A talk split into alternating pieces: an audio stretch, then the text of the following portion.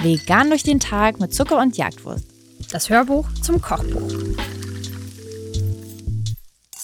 Veganes Peanut Butter Jelly Oatmeal ist ein Rezept, das ich mir nicht machen würde. und damit herzlich willkommen.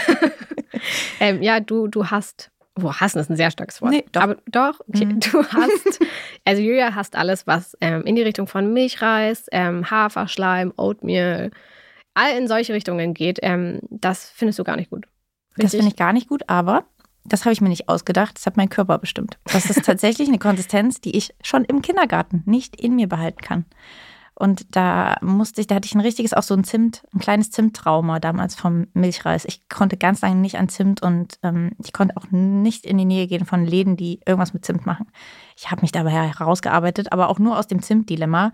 Weiterhin Oatmeal Porridge, it's not my thing. Deswegen würde ich dir hier die Bühne überlassen.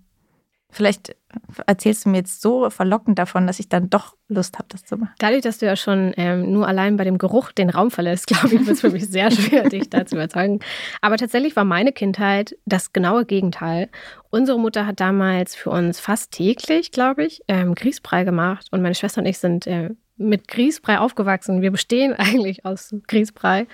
Dadurch habe ich eine ähm, extreme Vorliebe dafür. Und ich finde das ganz, ich finde es ist ein ganz wohltuendes, gemütliches Essen. Ähm, sobald ich das esse, wird mir warm. Ich finde es ich find's irgendwie ganz, es ist für mich so ein Herzensessen. Ähm, deswegen ist es nicht schlimm, dann habe ich halt mehr. Ist kein Problem, wenn du nichts davon haben willst, dann esse ich das Die alles. vier Portionen gehören dir. gehören mir, richtig. Aber ich muss schon sagen, es sieht wirklich sehr schön aus. Also mit dem Topping wiederum, da ziehst du mich ein bisschen näher ran. Mhm. Sehr gut. Ja, genau. Also dieses Rezept im Endeffekt ist ähm, für all die Menschen, die gerne Oatmeal oder Porridge essen, aber wahrscheinlich so ein bisschen in eine Routine verfallen sind und sich jeden Morgen das gleiche Oatmeal machen. Wahrscheinlich mit ein bisschen Banane, ein bisschen Nüssen oder Apfel obendrauf. Ähm, und mit diesem Oatmeal will ich eigentlich nur einen kleinen Anstoß geben, mal ein bisschen was anderes auszuprobieren. Ähm, sei es beim Topping, aber auch ähm, im Inneren des Oatmeals. Wir haben zum Beispiel eine reife Banane da noch reingedrückt damit ähm, das Obst sozusagen schon im Oatmeal ist. Ihr könnt natürlich aber auch einen Apfel reinreiben. Auch das funktioniert ganz herrlich. Ihr könnt da einfach ein bisschen Obst drin verstecken. Und bei den Toppings ähm, würde ich immer auf irgendwas knusprig, knackiges gehen. Hier sind wir dann natürlich auf Erdnüsse gegangen.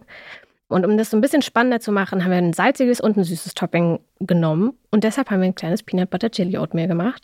Ähm, Finde ich, ist eine schöne Abwechslung. Wenn man viel Porridge isst und irgendwie mal wieder was Neues will, dann könnt ihr zu diesem Rezept greifen. Und wenn man eigentlich sich was Gesundes machen wollte, dann hat man danach gemerkt, Hat man es hier wieder versaut. warum habe ich das jetzt mit Marmelade bestrichen? Naja, aber ihr könnt ja auch eine eigene Marmelade nehmen, die ihr selber aus Obst eingekocht habt, wo eigentlich gar kein Zucker dran ist oder ein Fruchtpüree oben drauf machen. Ihr könnt da ja variieren. Ihr könnt auch ein paar Brombeeren zerdrücken. Das ist auch ein cooles Topping und hat nicht ganz so viel Zucker.